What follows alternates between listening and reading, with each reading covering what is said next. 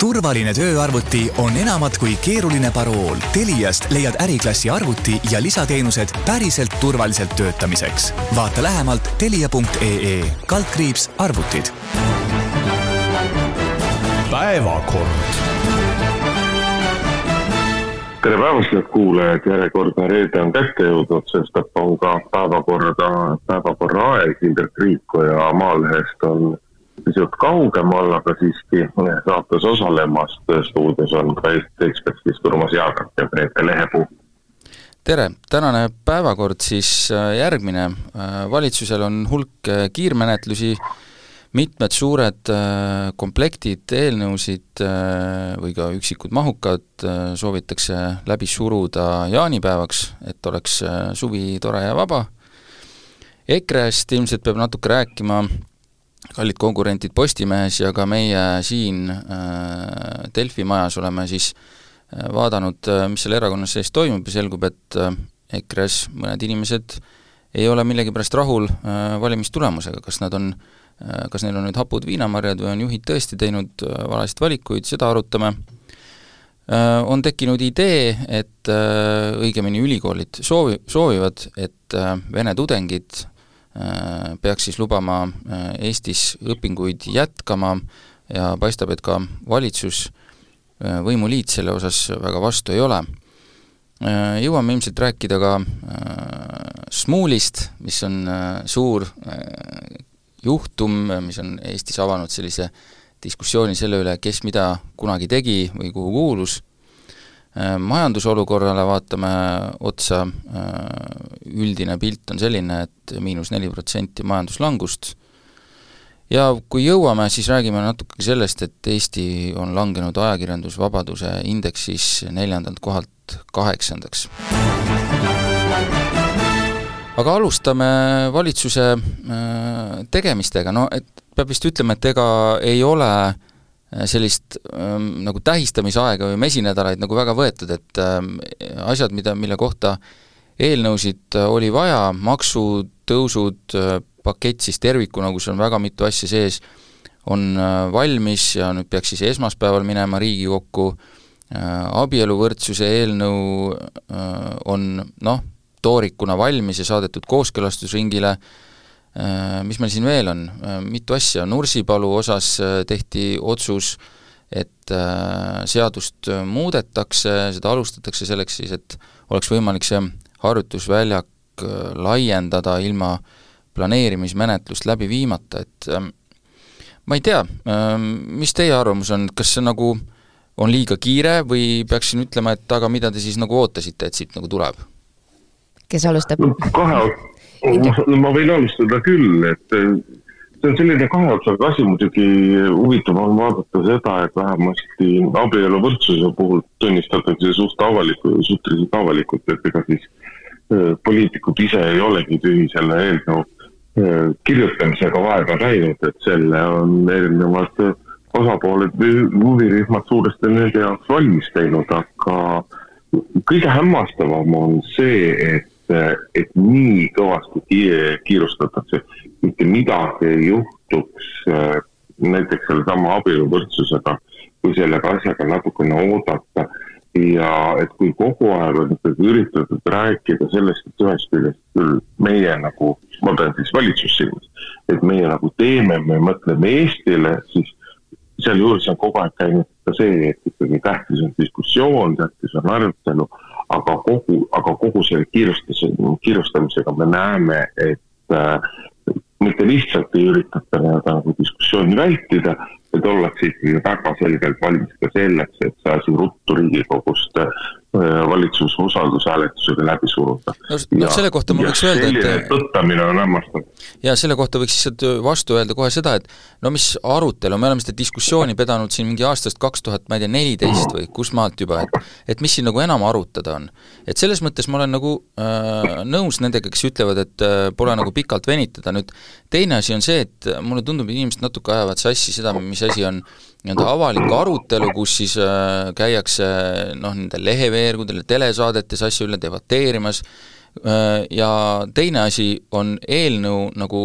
noh, protseduurika. et kui siin on antud nüüd kolm tööpäeva selleks, et kooskõlastada eelnõu, kui, kui vaadata, kellele on see kooskõlastamiseks saadetud, seal on väga suur hulk MTÜ-sid, mingisuguseid ühinguid, seal on äh, ministeeriumid, teised, kes peavad siis äh, et kui me räägime nüüd sellest konkreetsest eelnõust, seal tegema selgeks üsna ruttu, et kas seal sees on mingeid vigu, kas seal on mingeid vasturääkivusi, muud sellist, et äh, ma ei ole kindel, kas seda kolme päevaga teha jõutakse, selle tulemus võib lihtsalt olla see, et ühel hetkel võetakse asi vastu ja siis selgub, et kuhugi on jäänud mingi näiteks on jäänud mingisugune huvigrupp, kellel jäänud mingid huvid arvestamata, siis tuleb hakata asja nagu ringi tegema, et et äh, selles mõttes ei ole see nagu hea äh,, kui sa ütled, et äh, on aega nagu oodata, ma põhimõtteliselt arvan, et nagu oodata ei ole küll midagi vaja, aga, aga mida on vaja, on see, et see asi saaks nagu, kui juba tehakse, siis nagu tehke hästi. kas te panite tähele, milline on see huvigrupp, seal on ligi kolmkümmend, kui me räägime nüüd abieluvõrdsusest, seal on ligi kolmkümmend erinevat esindusorganisatsiooni. millisele huvigrupile ei ole seda arvamusavalduseks saadetust, panite te tähele seda? Ei pannud, no nimeta siis see seal ei ole juttu isadest ja noh, kui nii võib öelda, siis eraldi Eesti Lastevanemate Liit, ma eeldan, isad võiksid siia kuuluda? ei, seda küll, aga seal on ka, seal on ka erinevad organisatsioonid, mis on väga selgelt, nad tegelevad emade või naisterahvastega, aga kuigi meil on olemas ka organisatsioonid, kes tegelevad just nii-öelda kaitsevad isade ja meesterahvaste huvisid, siis neid millegipärast ei ole vajalikuks peetud kaasata. ma ei tea, millist sa silmas pead, kui sa pead silmas Eesti, kas ta oli Lasterikaste Isade Liitu, siis see on lihtsalt üks Isamaa MTÜ, et, et selles mõttes äh, sellest võib-olla liiga suurt muret ei teeks ei noh, vaata sa päris nii ei saa suhtuda, et, et sealt me leiame noh, tahtmata nüüd laskuda diskussiooni, et mis on ühe või teise seal nimekirjas oleva MTÜ sisuline kvaliteet siis noh, sealt leiab nii ja naasuguse sisulise kvaliteediga MTÜ-sid, et, et minu arust see siiski oleks võinud olla üks osapool. aga teine küsimus on ikkagi jah see, et sa ei saa, et see ei ole jutt või asi, et meil on kahe tuhande neljateistkümnendast aastast äh, saadik sellel teemal arutletud, et tuletame nüüd ikkagi ausalt meelde, kaks tuhat neliteist suruti kiirult kiirustades poliitikute poolt täiesti teadlikult läbi eh, vigane, vigane seadus, kuna kooseluseaduse rakendusakte eh, teati, et teha ei saa, aga ikkagi suruti läbi asi, millest eh, sisulist abi ei olnud, sisulist kasu ei olnud ja pärast seda ei ole tahtnud ükski poliitiline jõud tegeleda ei arutelu ega ammugi siis ka sisulise nii-öelda kooseluseaduse rakendusaktide vastuvõtmisega. diskussiooni ei ole kahe tuhande neljateistkümnendast aastast tehtud ja kolm või peetud ja need kolme või nelja päevaga ei jõua ka tänasel hetkel seda, seda diskussiooni pidada, et selles mõttes on, on siin Urmas Viilmal ja teistel õigus mm,. ma jah, me, tuleb küllalt igav arutelu sel teemal, et ma olen selles mõttes nõus, et võiks anda rohkem aega, mm, samas ma ja, ja, ja sealjuures ma tervitan tegelikult selle eelnõu püüdlust teha vigade parandus selles, mis juhtus kaks tuhat neliteist, ehk et meil on ähm, äh, siin on võetud äh, ette nagu hästi lai plejaad asju, teha ühe korraga ära, ma ei tea, määratleda lapsendamisõigus ja nii edasi, et, et see on, see on tore, et selle küsimust lahendatakse nagu, püütakse nagu terviklikult lahendada, mitte lihtsalt, et me teeme noh, niimoodi märgi või linnukese pärast, nii nagu kooseluseadus sai tehtud äh,, ilma reaalselt siis rakendusaktideta Äh, küll aga jah, et, et kuna neid asju on nii palju siin sees ja kuna ütleme, minu meelest väga süvitsi debatti ei ole ikkagi olnud nendes kõigis asjades, et siis võiks olla rohkem arutelu küll. jah, et, et, et see tundub lihtsalt nagu ebainimlik oodata äh, üle kolmekümne, siin on isegi üle kolmekümne neid, äh, neid organisatsioone, ebainimlik oodata neid üle saja kahekümne lehekülje läbitöötamist, mis siis, et nad on osalenud kõik selle asja kokkukirjutamisel mingil moel võib-olla, et ikkagi siin vist juba on välja tulnud mingisuguseid näpukaid või mingisuguseid loogikavigu, mida on hakata, vaja hakata parandama. ja et noh, ma saan, ma arvan ka, et, et valitsusel on sellepärast kiire, et pärast suve on neil järjest raskem poliitiliselt seda, seda võit-, võitlust pidada, neid asju ära teha, mm, et sellepärast nad kiirustavad, aga see tõesti ei jäta head maiku juurde, eriti kui on noh, teema on ähm, mingite osapoolte jaoks väga valulik, opositsiooni jaoks kohe eriti valulik, EKRE-le näiteks, et siis võiks näidata üle võib-olla üles paremat niisugust riigimehelikku lähenemist. ja mida me kindlasti näeme, me näeme seda, et see, see nii-öelda ähm, Riigikogus, noh, kui siin nüüd öeldakse, et äh, pole hullu, et Riigikogus ju tuleb menetlus ja tuleb debatt, no ei tule, selles mõttes, et äh, siin on ju selge ju, mis saama hakkab, et äh, konservatiivsed erakonnad tõmbavad äh, sae käima, noh, nende poolest täiesti õigustatult äh,, te-, üritavad teha mingeid meeleavaldusi, mis iganes, nende vältimiseks on vaja, et see kiiresti vastu võtta, probleem maha saada, mis tähendab, et äh, noh, hiljemalt muudatusettepanekute tähtajaks on selge, et see võetakse vastu usaldushääletusega ja see tehakse nagu sipsti ära, et, et selles mõttes äh, ei tule ka sealt mingit erilist debatti, esimene lugemine muidugi peab toimuma ja seal kindlasti noh, kõik saadikud oma, kõik äh, konservatiivsed saadikud oma kaks küsimust ära küsivad, aga aga mingit pikemat diskussiooni komisjonides tõenäoliselt midagi on, äh, aga sealt edasi teiseks lugemiseks, kui muudatusettepanekud laekuvad, siis ma arvan, neid seal küll Riigikogust läbi karjatama ei hakata, et see lükatakse valitsusse usaldushääletusega ära purki, et no ütleme niimoodi, et ma ei, ma ei kiida heaks üldiselt sellist äh, sellist lähenemist nagu riigivalitsemisel, et ma olen sinuga selles mõttes, Indrek, nõus, et äh, Reformierakond eriti ja ka Eesti kakssada on rääkinud äh, avatud riigi vali-, riigi juhtimisest, avatud valitsemisest, Eesti kakssada vist isegi on lubanud mingit teistsugust riigi juhtimise kultuuri, et kas siis see nagu ongi, et, et mahukatel eelnõudel on kolm tööpäeva aega ennast, ennast nagu kurssi viia, et no ma loodan, et see ei ole see, ta on teistsugune, tõsi. see kõige suurem probleem ongi see, et jätame nagu kõrvale selle, kas me sisuliselt toetame abieluvõrdsust, kas me sisuliselt toetame neid maksumuudatusi või milliseid maksumuudatusi me toetame, kõige suurem probleem ongi tegelikult selles nii-öelda poliitilises kultuuris, selles väga kehva seadusloomes, sellepärast et jube lihtne on rõõmustada ja me tänasel hetkel juba kuuleme äh, näituseks homoseksuaalseid inimesi esindavate esindusorganisatsioonide poolt nagu rõõmustamist, et, äh, et vot kui hea, et nüüd lõpuks ometi tehakse ära, aga kulla sõbrad, peame meeles seda, et kui praegusel hetkel surutakse läbi teie jaoks meeldiv asi sellisel kombel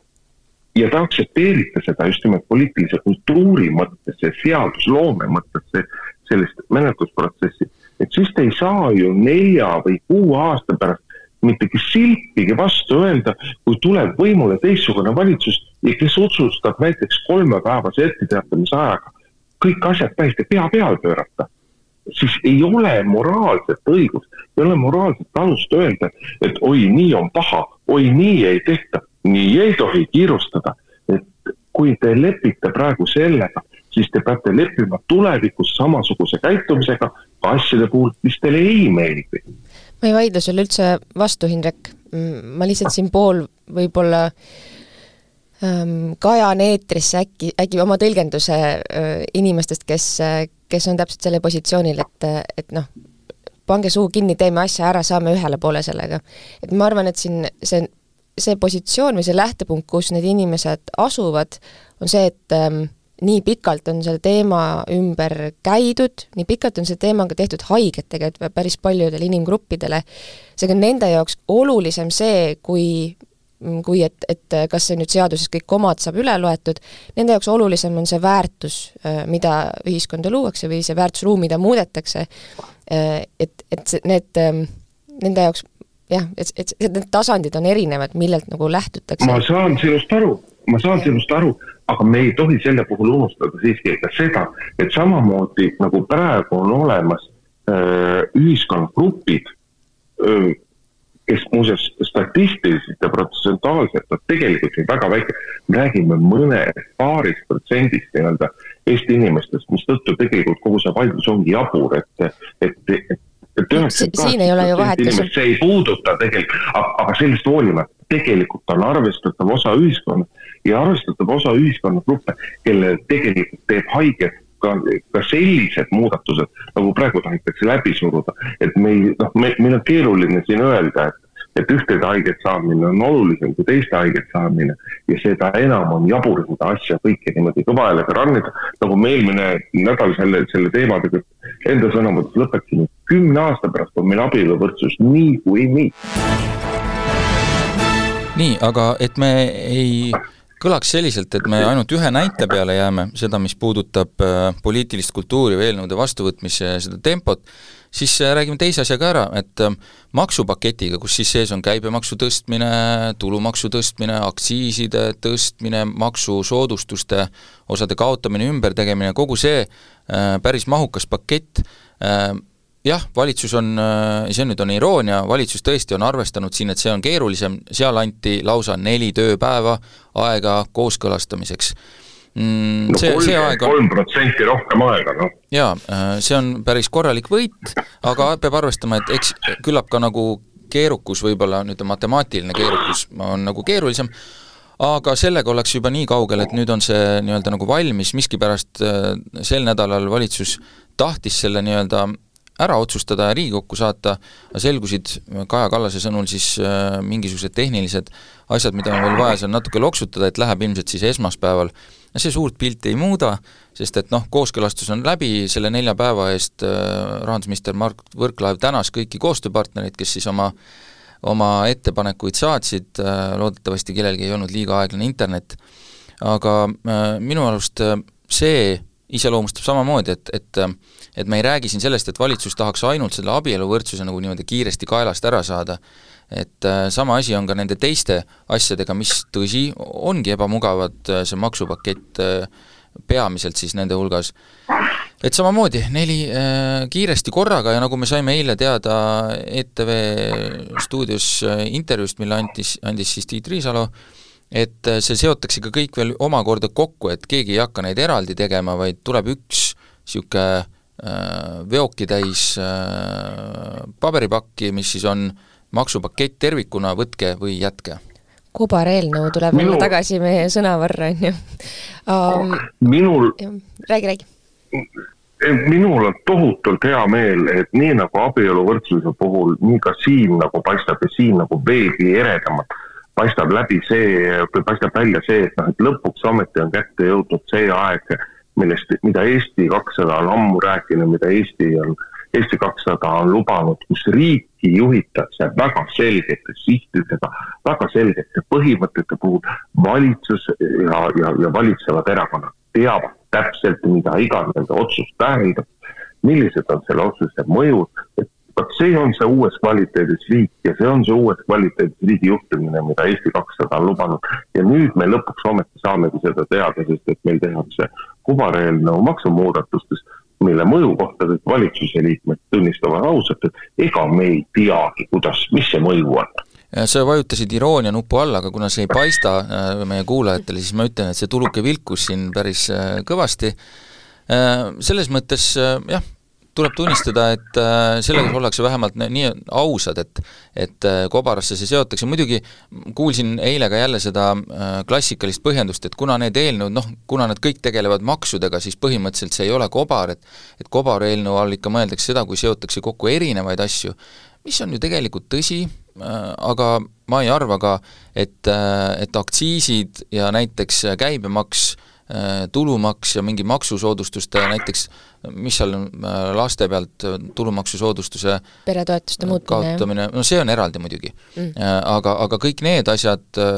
maksumuudatused koos, et need on nüüd niisama asi, et ta-, tasub kindlasti küsida Rahandusministeeriumis, seal rahandusega tegelevad inimesed ilmselt pööritavad silmad kuklasse, kui neile öelda, et need on sama asi, mida on võimalik nagu põhimõtteliselt koos teha, et ma arvan, et ei ole et äh, Kas selles see... mõttes on see ikkagi tõesti väga halb, aga ma saan tegelikult aru, mida, mis selle valitsuse mure on, sest et nad on kõiki neid asju lubanud, äh, neil on vaja hakata koostama sügisel riigieelarvet äh, ja seega neil peavad olema suveks need eelnõud seadusteks tehtud, et neid saaks arvestada, Rahandusministeerium ei arvesta asju, mis ei ole seadused. Eelarveprognooside tegemisel, eelarve koostamisel ehk siis need on vaja äh, pressida seadusteks enne, kui hakatakse tegema riigieelarvet, nii et siin ma saan sellest kiirustamisest nagu põhimõtteliselt aru, äh, aga noh, ega see ei ole hea poliitiline kultuur. no see ei ole hea poliitiline kultuur, loomulikult ei ole hea poliitiline kultuur, aga ma tulen tagasi oma tegelikult oma eelmise nädala jutu juurde et see on täiesti uskumatu, kuidas poliitikutel on tegemata kogu oma kodutöö. poliitikutel on aega olnud nädalaid ja kuid välja arvutada, mida üks või teine maksumuudatus mida see tähendab, neid prognoose teha. ei, ei saa pugeda selle taha, et rahandusministeerium ei teadnud ja rahandusministeerium pole jõudnud.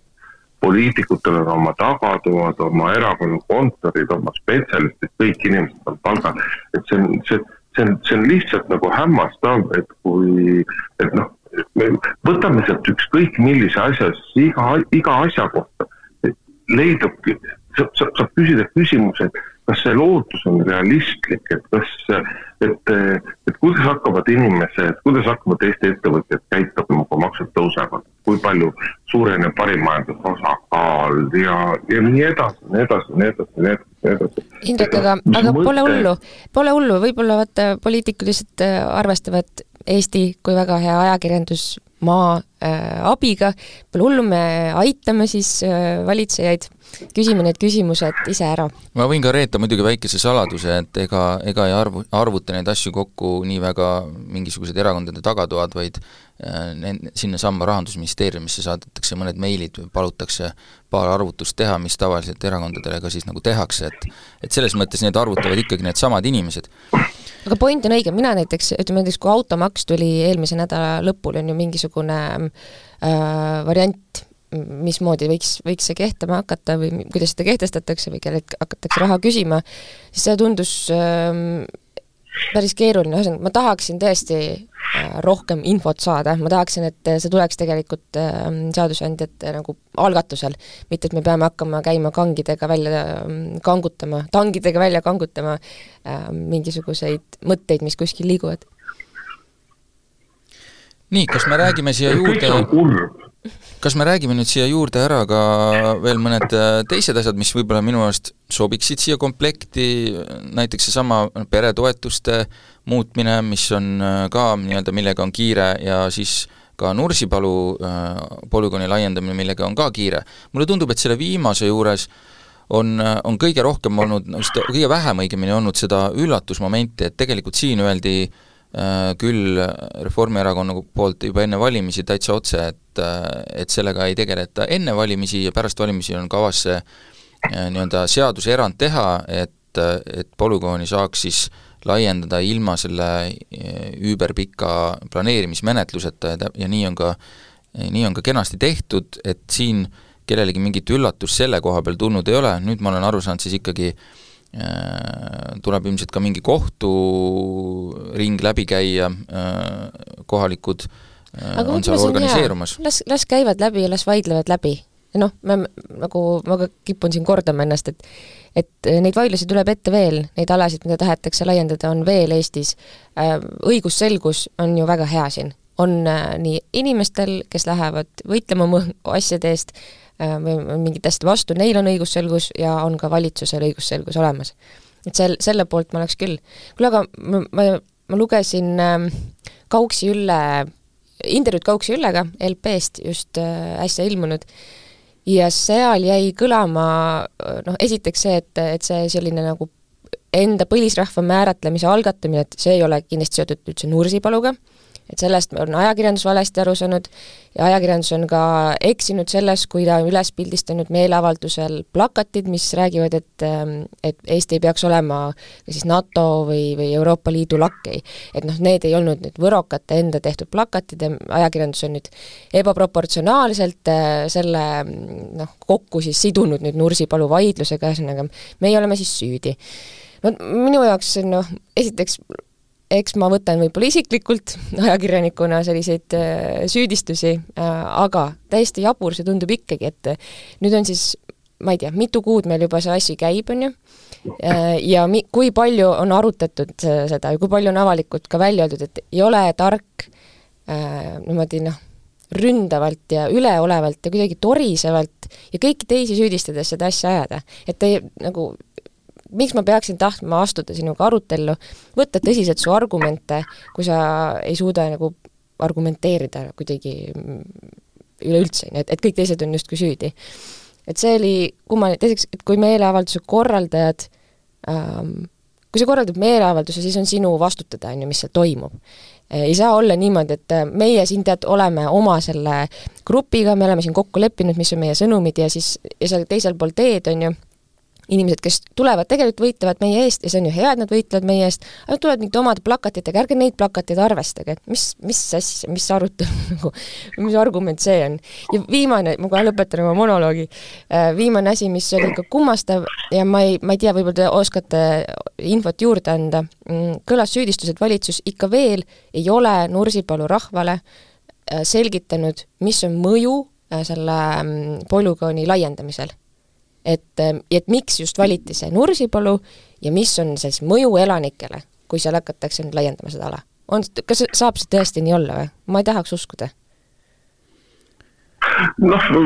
selge see, et valitsus oleks võinud teha või, või Kaitseministeerium või Kaitsevägi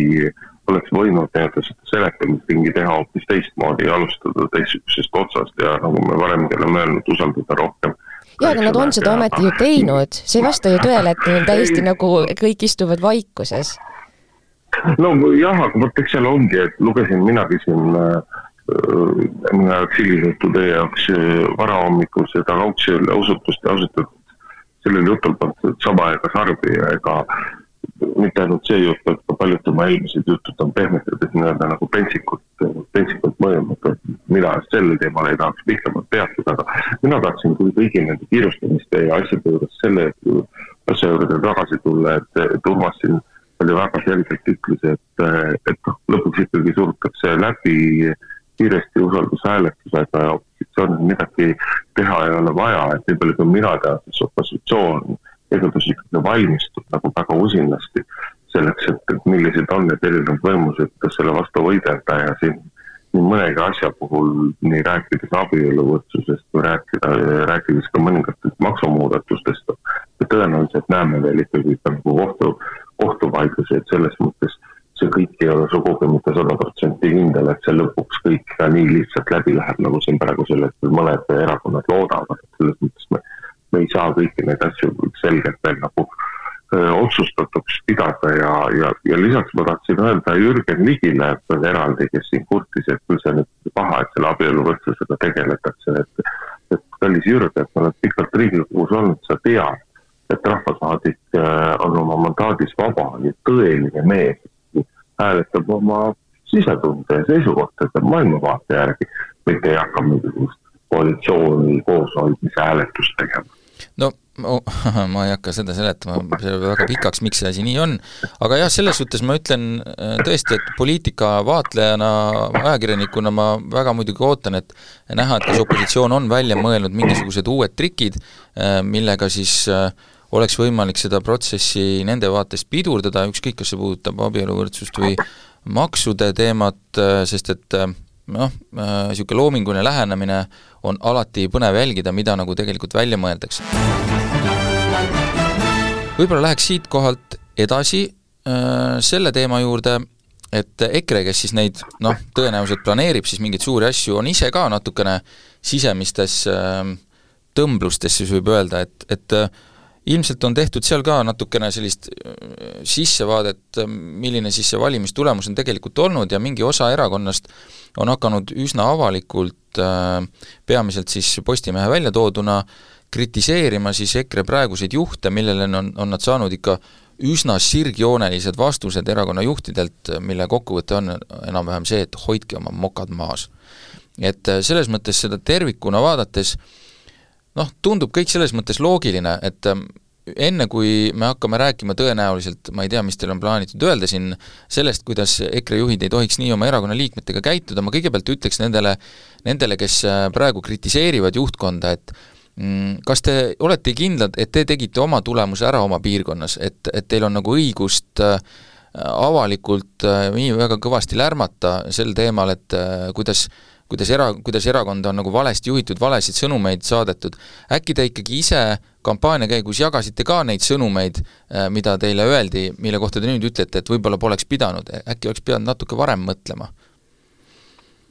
meil on hea sind arvutada, meie ei pea seal ähm,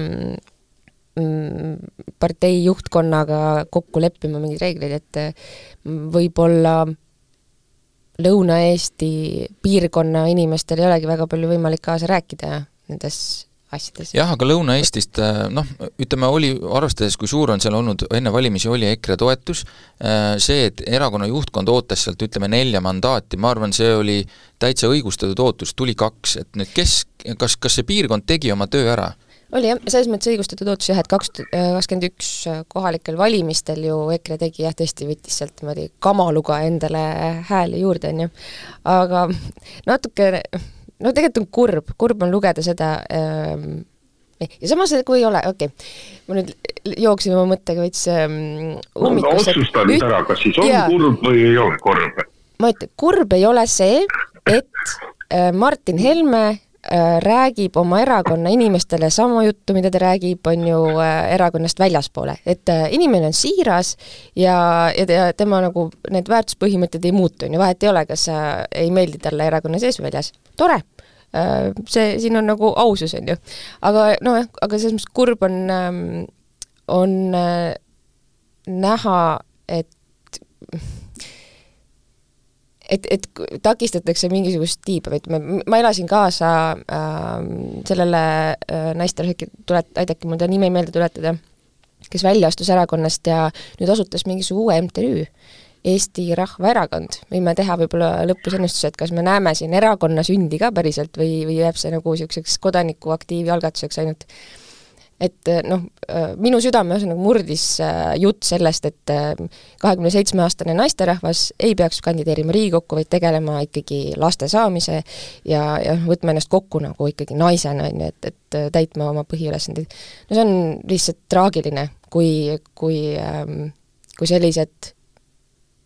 sellised ähm, ühesõnaga, kui, inimene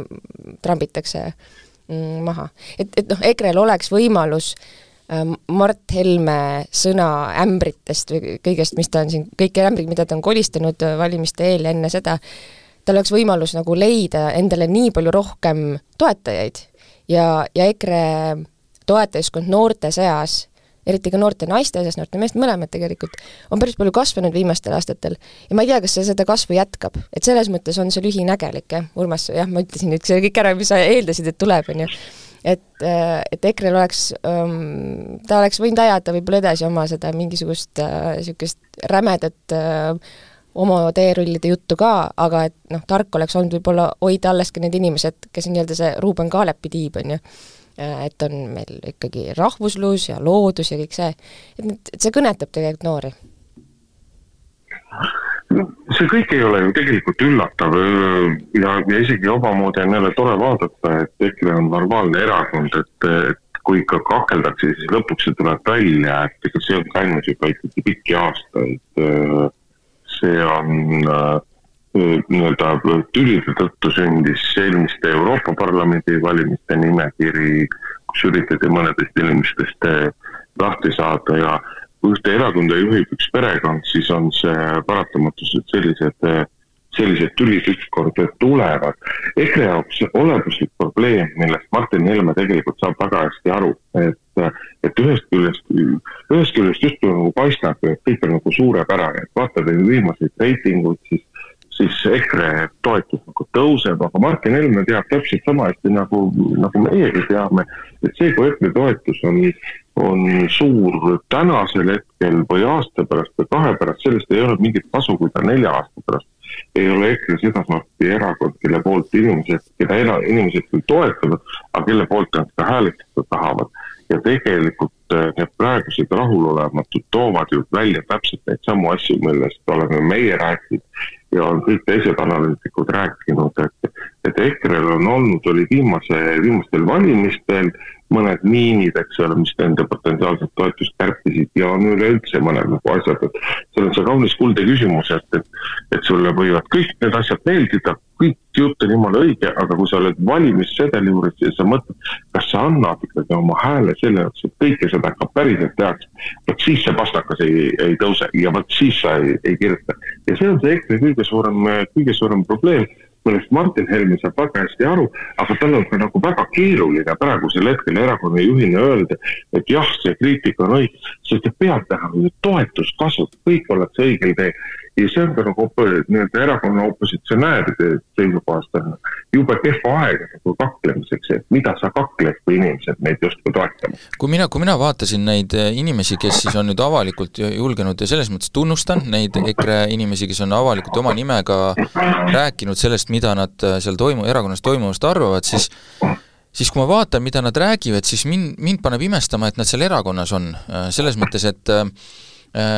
mingisugused väärtused või mingisugused asjad, millest nad räägivad, kui vaadata, mida need noored ütlevad,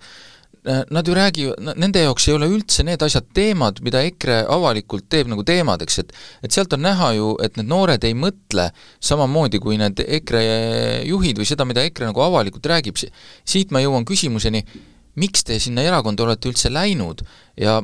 ainus vastus, mis mul praegu pähe tuleb keskerakondlased ainus vastus, mis mul, mis mulle pähe tuleb, on see, et neile meeldis äh, Äh, meeldib selle erakonna juures vastasus praegusele võimule. et, et seni, kuni on nagu ühtne vastane, äh, noh, ilmselt on siis ära kannatatud see, et on seal sõimatud ukrainlasi erinevat pidi,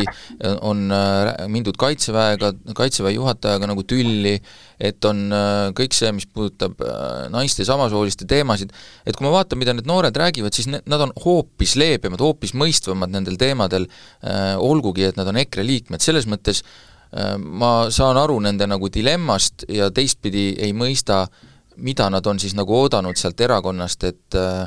et, et nad seal nagu on, et äh, küllap on olnud siis mingid muud eesmärgid seal. sa ütlesid, et sa tunnustad inimesi, et nad tulevad avalikult, räägivad ka oma nimega, mis on ka viimasel ajal kuidagi haruldane, et, et kritiseeritakse oma organisatsiooni oma nimega väga hästi, ma olen ka nõus, et see on tervitatav, aga miks see on Martin Helme kõige suurem kriitika, et, et kui sa lähed pesema meie siseasja musta pesu avalikkuse ees, siis sa oled meie jaoks, sul on kriips peal. aga miks sa rääkida avalikkusega, võib-olla peakski sees nagu ära klaarima? ja ma arvan, et selle põhjus on ju, on ju lihtne, et et ma usun, et küllap on seal ka katsetatud sisemiselt seda asja rääkida, kui sa lihtsalt näed, et sa ei saa, ma, ma kindlasti ei arva, et see avaliku, avalik rääkimine on esimene mõte, mis nendel inimestel pähe tuleb, kes tulevad oma organisatsiooni kri-, kritiseerima. ma arvan, et see on enam-vähem seal viimases lõpus, nad on lihtsalt kõik ära proovinud, mis neil, mis neile nagu pähe tuli, kuidas oma pointi nagu selgeks teha. Äh, ma, ma siis eeldan, et lihtsalt neid ei ole senimaani kuulda võetud ja ei võeta neid muidugi ka nüüd kuulda, aga küllap nad said aru, niigi, et nendega on seal juba nagu lõpp peal, et äh, poliitiliselt, sest et äh, ma ei usu, et sisemine kriitika, mis ei jõua avalikkuse ette, jääks seal kuidagi teistmoodi karistamata. kas siis sünnib nüüd uus erakond? me, me näeme, et on niisugune ähm, generatsioonide lõhe siin võib-olla, mitte ainult tegelikult generatsioonid, seal olid äh, ka Helme eakaaslased osad, kes seal piirkonna juhid, kes seal äh,, kellest üle sõideti, on ju, või kes välja astusid või välja visati. kas me näeme nüüd siis maailmavaatelist lõhenemist, kas sealt EKRE rahvast nüüd irdub ja, ja koondub uus erakond, Eesti Rahvaerakond? ei, ei usu, ei usu, jah. see käis küll kiiresti. nii, aga meil on siin elu on selline lihtsalt. meil on siin veel teemasid, mida me saame arutada, aega ka natuke on, üks teema on see, mis nüüd puudutab jällegi servapidi Venemaad, õigemini Vene tudengeid. et ähm, on siis ülikoolid teinud ettepaneku, et nad võiksid siin siis nagu õpinguid jätkata, äh, kes siis siin õpivad, äh, saaksid need ära lõpetada ja pärast seda järgmises õppeastmes ka jätkata või siis Eestisse tööle jääda. Ja haridusminister seda seisukohta pooldab ja ma saan aru, et ka nagu koalitsioon laiemalt on nagu justkui seisukohal, et äh, nii võiks tõesti olla, et äh, no mida sellest arvata, et kas äh, ilmselt nagu kriitikud hakkaks siin ütlema, et kas me hakkame nüüd siis järgi andma äh, äh, nii-öelda ma ei tea, Vene survele siis, või, või oleme me lihtsalt, või need, kes seda pooldavad, ütleme, et me oleme nagu inimlikud, et kuidas seda siis nagu vaadata? siin ongi väga selgelt kaks erinevat tasandit, üks asi on nii-öelda sisuline tasand, me räägime vähem kui neljasajast, vähem kui neljasajast inimesest ja, ja meie õiguskaitseorganid on kindlasti nii tublid ja kindlasti nii tugevad, et nad suudavad äh, need inimesed piltlikult öeldes nii-öelda detailideni läbi hekseldada, et nende puhul teha kindlaks, kes nendest inimestest on, on sisuliselt Venemaa praeguse režiimi toetajad, kes ei peaks kindlasti mitte saama meie kõrgkoolides jätkata ja kes on tegelikult inimesed, kes on kriitilised nii nii selle praeguse Venemaa käitumise, Venemaa poliitika suhtes, eks ole, keda ähvardaks Venemaal tagasi kiusata, et, et see eraldus suudetakse teha aga teine asi on nii-öelda noh, põhimõtteline küsimus, et, et Eesti on ju siiamaani olnud väga põhimõtteline nii asjades, mis puudutavad Venemaa sportlasi, mis puudutavad Venemaa kultuuritegelasi ja kõike muud. miks me peame võtma, miks, miks tudengid peavad olema teistsugused kui näiteks sportlased, kui näiteks kultuuritegelasi, ma tean mitmeid suurepäraseid vene ansambleid, kes on Vene võimude suhtes ülimalt kriitilised aga nad ei pääse Eestisse esinema, sest niimoodi on põhimõtteliselt otsustatud. miks tudengid peaks teistmoodi olema? pigem tahaks näha siin ka jah, nii-öelda case by case analüüsimist. Mul oli väga huvitav kuulata eilses Vikerra, Vikerraadio Uudis pluss saates vene noormeest Danil Martikainen Jarlukovski, eh, kes on nüüd siis saanud eh, poliitilise kaitse Eestis Äh, ta on, ta on ka tudeng ja rääkis puhtas eesti keeles muuseas, enam, enam-vähem täitsa korrektselt. Ja tema mm, seisukoht või ta kirjeldas en-, ühte enda tuttavat, ka samamoodi tudengit, kes elab siin Eestis, äh, ta abiellus Eesti kodanikuga ja ta on absoluutseltki veendunud selles, et Eesti vihkab kõiki venelasi, Eesti on absoluutselt russofoobne riik, pigem on siin nagu, see on nagu kõik, kõik, mis me siin teeme, nagu vastik, aga ühel hetkel ta pöördus Danili poole ja küsis, et kuule, et aga kuidas see, kuidas see poliitilise kaitse taotlemine käib, et, et äkki, äkki ma ka saaks? Mis on nagu absurdne, et sa vihkad riiki, aga et noh, ilmselt ta siis ähm,, ilmselt ta surma tahab saada veel vähem, on ju, et, et et see poliitiline kaitse äh, võiks teda päästa, on ju, mobilisatsioonikutse eest. et sellist kahepalgelisust tuleb välja sõeluda, aga paraku äh, kuna ta on abielus, siis äh, see on nagu mingi teine kategooria neid inimesi, kes siin ähm, elada ja olla saavad, et siis tema, see, noh, see näide nagu praegu sellest tudengite debatist läheb kõrvale, aga et noh, see on üks näide inimestest, et see, et üks näide sellest, et sa ei saa võtta seda mm, grupp inimesi nagu homogeensena, et sa pead neid ikkagi vaatama juhtum juhtumi põhjalt. ja sama Deniil ütles, tema seisukoht näiteks on ka, et ta ei, ta ei pool-, ta ei ole rektoritega nõus, ta ei poolda seda, et kõigile peaks nagu ühe latiga lajatama. ja minu meelest tulekski jaa, väga vaadata väga hoolega ja mitte ka järgi anda aga miks tudengid on teistsugused kui näiteks sportlased kui näiteks kultuuritegelased, kelle puhul me kelle puhul me ei tee sellist personaalset lähenemist, vaid kelle puhul meil on põhimõtteline otsus, et äh, ole sa kes tahes, kui sa oled Venemaa kodanik, siis me paraku praeguses olukorras mõõdame selle ühesuguse joonlauaga kõigile poli. miks tudengid teistsugused on? Indrek, ei olegi, kõik Vene kodanikud saavad taotleda ju poliitilist varjupaika, Vene, Valgevene, mis iganes. et ma räägin sellest, et, et tudeng peaks jääma ka sellesse gruppi, kes, keda vaadatakse eraldi, et, et kas tal on nagu õigustatud kas, kas tal on oht elule Venemaal või Valgevenes ja et kas siis Eesti kaalub anda poliitilist varjupaika või mitte jaa, no siin üks küsimus siinjuures on muidugi ka see, et mis siis on äh, tegelikult äh, rektorite mure. et äh, miks nad siis seda nagu soovivad. et äh, kas on see nagu koostöö, kas on see ähm, raha mingit pidi või miks miks on, miks on see küsimus neil üleval või ei taha nad seda probleemi nagu ise lahendada, et et äh, noh, ütleme, mulle tundub, et me nagu umbes täpselt aasta tagasi, ma mäletan, et oli vist kevad, kui see diskussioon oli nagu üleval, äh, kus nagu minu arust sai üsna täp-, üsna hästi läbi räägitud, kõik need argumendid ühtpidi ja teistpidi, kui tehti see esimene otsus, et kas nad saavad siin nagu õppimist jätkata või mitte, et et ähm, ähm, siis oli natukene, olukord oli teine, ma mäletan, väga tugev oli arvamus äh, kui ma õigesti mäletan, ka presidendilt, kes hiljem on noh, mõnes mõttes öelnud, et ta on nagu ümber mõelnud selle osas, aga mille põhimõte, lähenemise põhimõte oli see, et äh, nii-öelda tavaline venelane ei ole nagu süüdi hmm. selles, mida Putin teeb. ja see oli, see oli umbes eelmisel kevadel, kui kui see,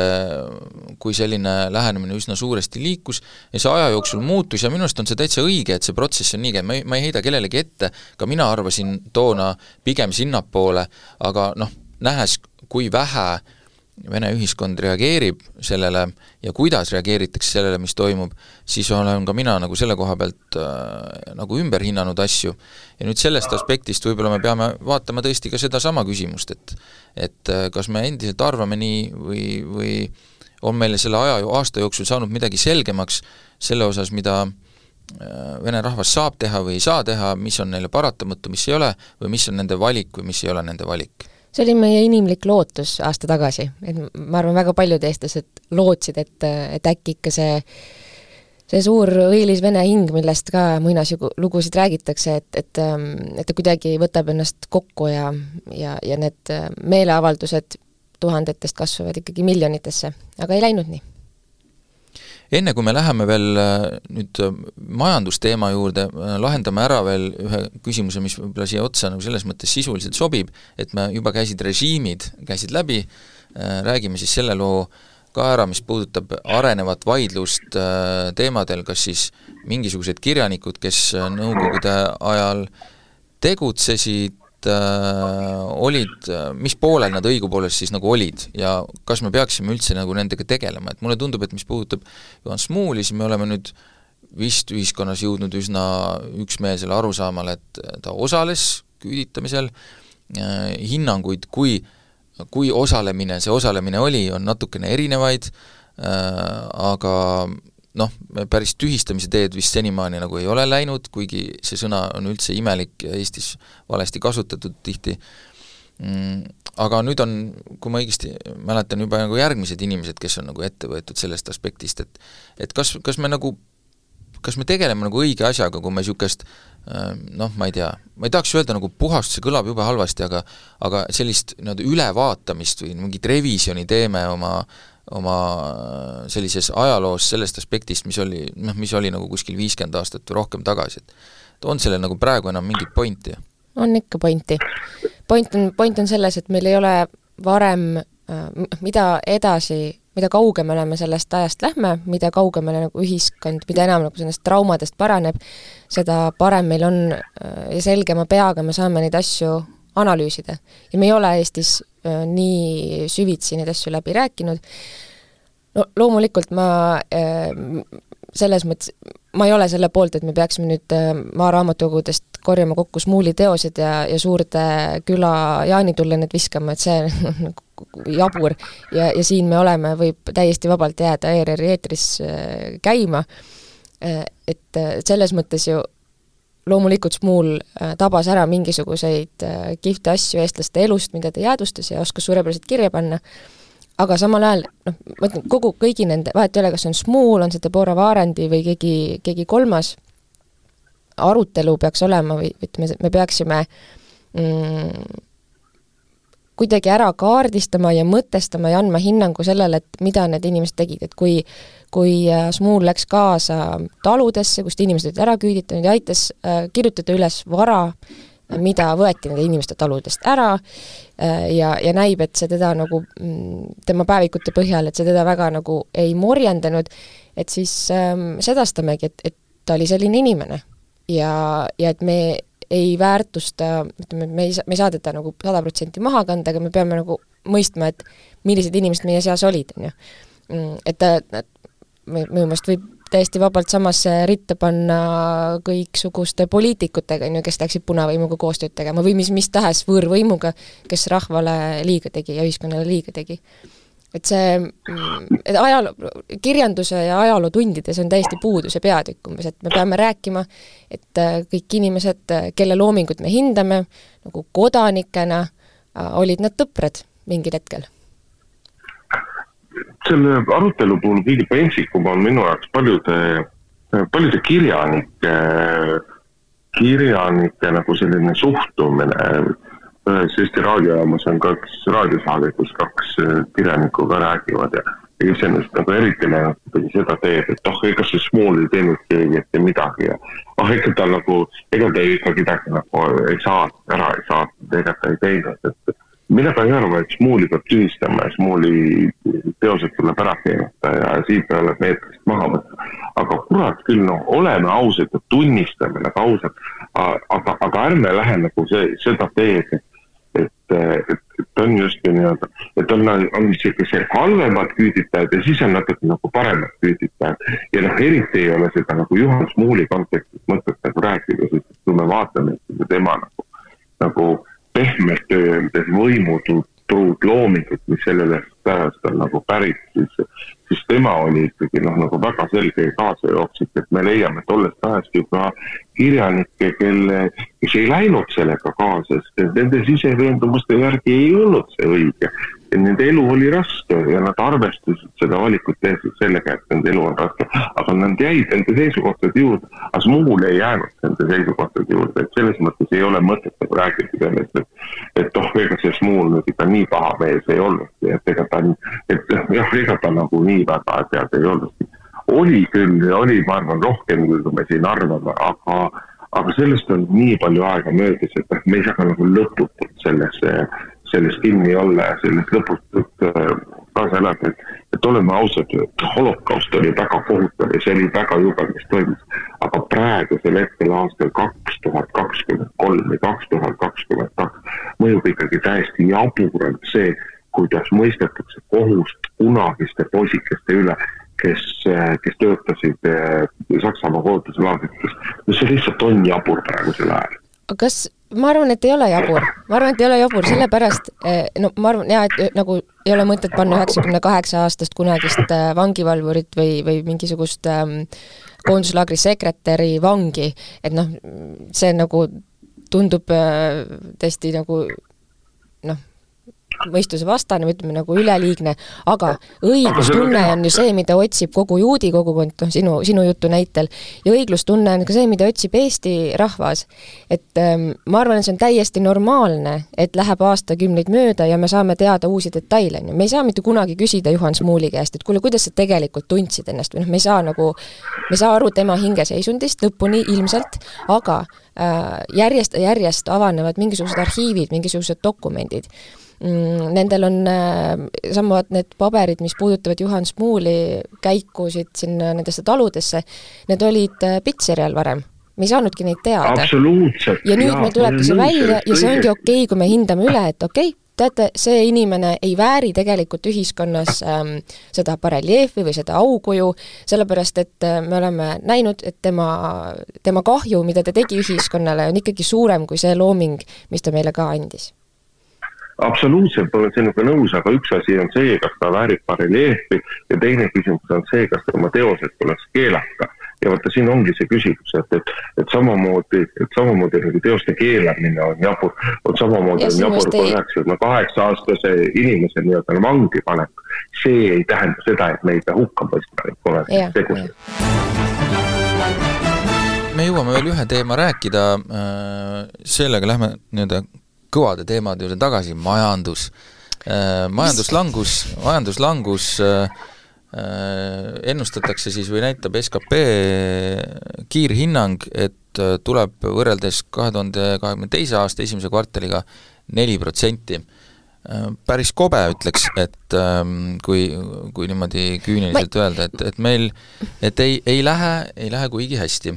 kõva, sa ütled kõva te-, ma ei saa sellest märkusest mööda praegu, sest et mis on majandus? majandus on absoluutselt see äh, inimeste emotsioonide, tunnete ja hirmude nagu kooskõla sellest, et mit-, kas nad siis nüüd ostavad midagi või ei osta ja sealt see langus tuleb, inimesed kardavad ja see on, emotsioonid on, aa, võib-olla emotsioonid ongi väga kõva teema. see, okei okay,, see mulle meeldib. Lep-, jaa, siin võime kokku leppida. päästsid mind ennast ära, aitäh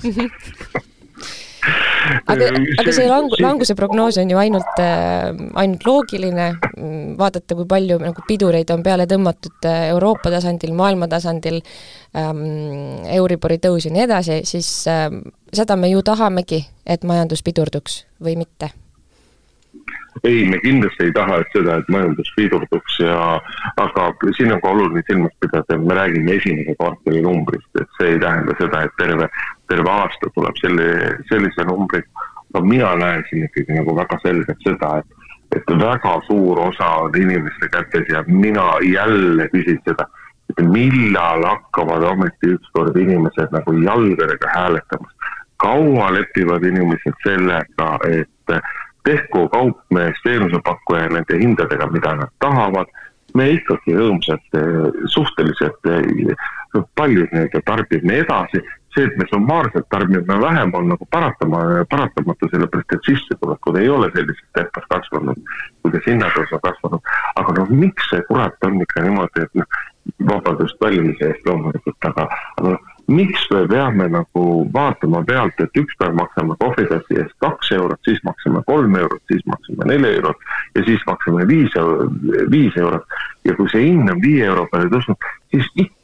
leidub hulgaliselt inimesi, kes lähevadki rõõmsalt, rõõmsalt seda ostma. et seda nii-öelda, seda inflatsiooni ja kõike on, on, on nii lihtne nagu tekkida ja inimesed neelavad selle nagu nii lihtsalt alla. et, et et kõiges selles on ikkagi üks osa, on inimeste suhtumises jaa, ma olen täitsa nõus, et see on inimeste suhtumises ja ma võin sulle kohe kirjeldada, mis see suhtumine on minu, minu tagasihoidlike tähelepanekute järgi. see suhtumine on äh, ühe, ühte lausesse kokku võttes see, et eestlane ei taha näidata, et ta on vaene. see, kui sa lähed hindade üle vinguma, näitab, et see käib sulle üle jõu, äh, mis põhimõtteliselt tähendab seda, et sa ei jaksa midagi endale osta, ja siis kõik teised saavad teada, et sa seda osta ei jaksa. Äh, ja mulle tundub, et see on päris paljudes kohtades selline valdav, mm, valdav suhtumine,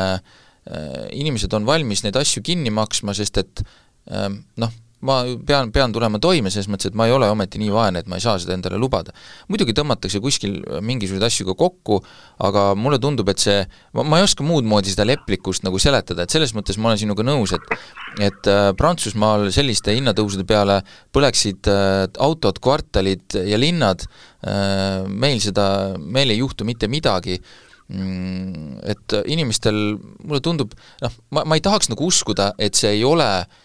inimestele nagu raske, et, et ongi lihtne nagu, et oligi enne liiga odav. et äh, ma päris seda ei tahaks uskuda, aga, aga ma ei, ma ei suuda ka muud sellist emotsionaalset põhjendust sellele välja mõelda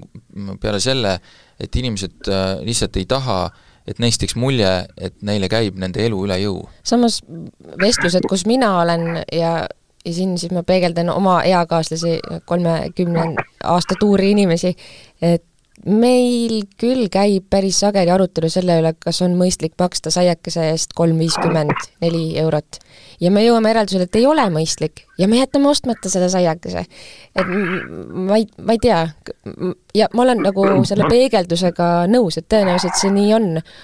mina küll, minu toidukorv on ilmselt õhemaks jäänud, sest ma lihtsalt jaa, see tore oleks osta seda jogurtit äh, lisaks, on ju, aga mõtled, ma ei tea, miks see peab nii palju maksma. Ja võib-olla hea ongi, et ma selle suhkru jätan söömata. Vot minul on, on vastupidi see tunne, et ühest küljest küll nagu räägitakse, aga kas pärast seda rääkimist käitutakse ka nii, nagu räägitakse, et see on,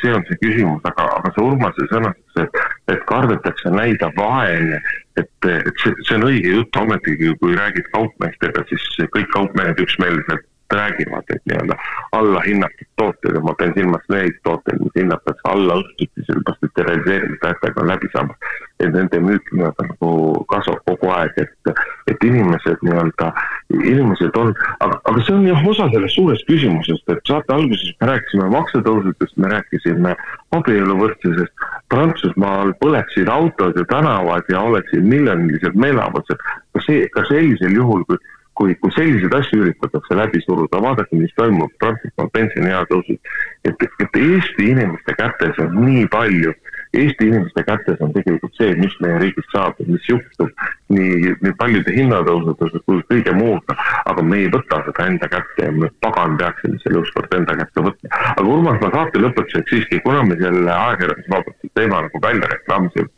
ma siiski korraks tahaksin sellel teemal ka peatuda ja, ja, ja, ja vähemalt omalt poolt küll öelda, et, et minu arust me ei peaks ülemäära palju muretsema selle pärast, et kas me oleme neljandad, kuuendad, kaheksandad või kümnendad, sest ega sellel nagu sisuliselt väga palju vahet ei ole, aga, aga küll, mis on nagu oluline, et vot siin on ka selline asi, kus kus ajakirjanikud ja, ja ajakirjanikud, meediaväljaanded, nad peavad olema ise nagu julged, enesekindlad ja mitte laskma endale, endale lihtsalt pähe istuda ja kui üritavadki mingisugused prokuröri loll, prokurörid lollusi teha ja mõni kohtunik jookseb sellega kaasa, tulebki selle, see tulebki lihtsalt selge kõva häälega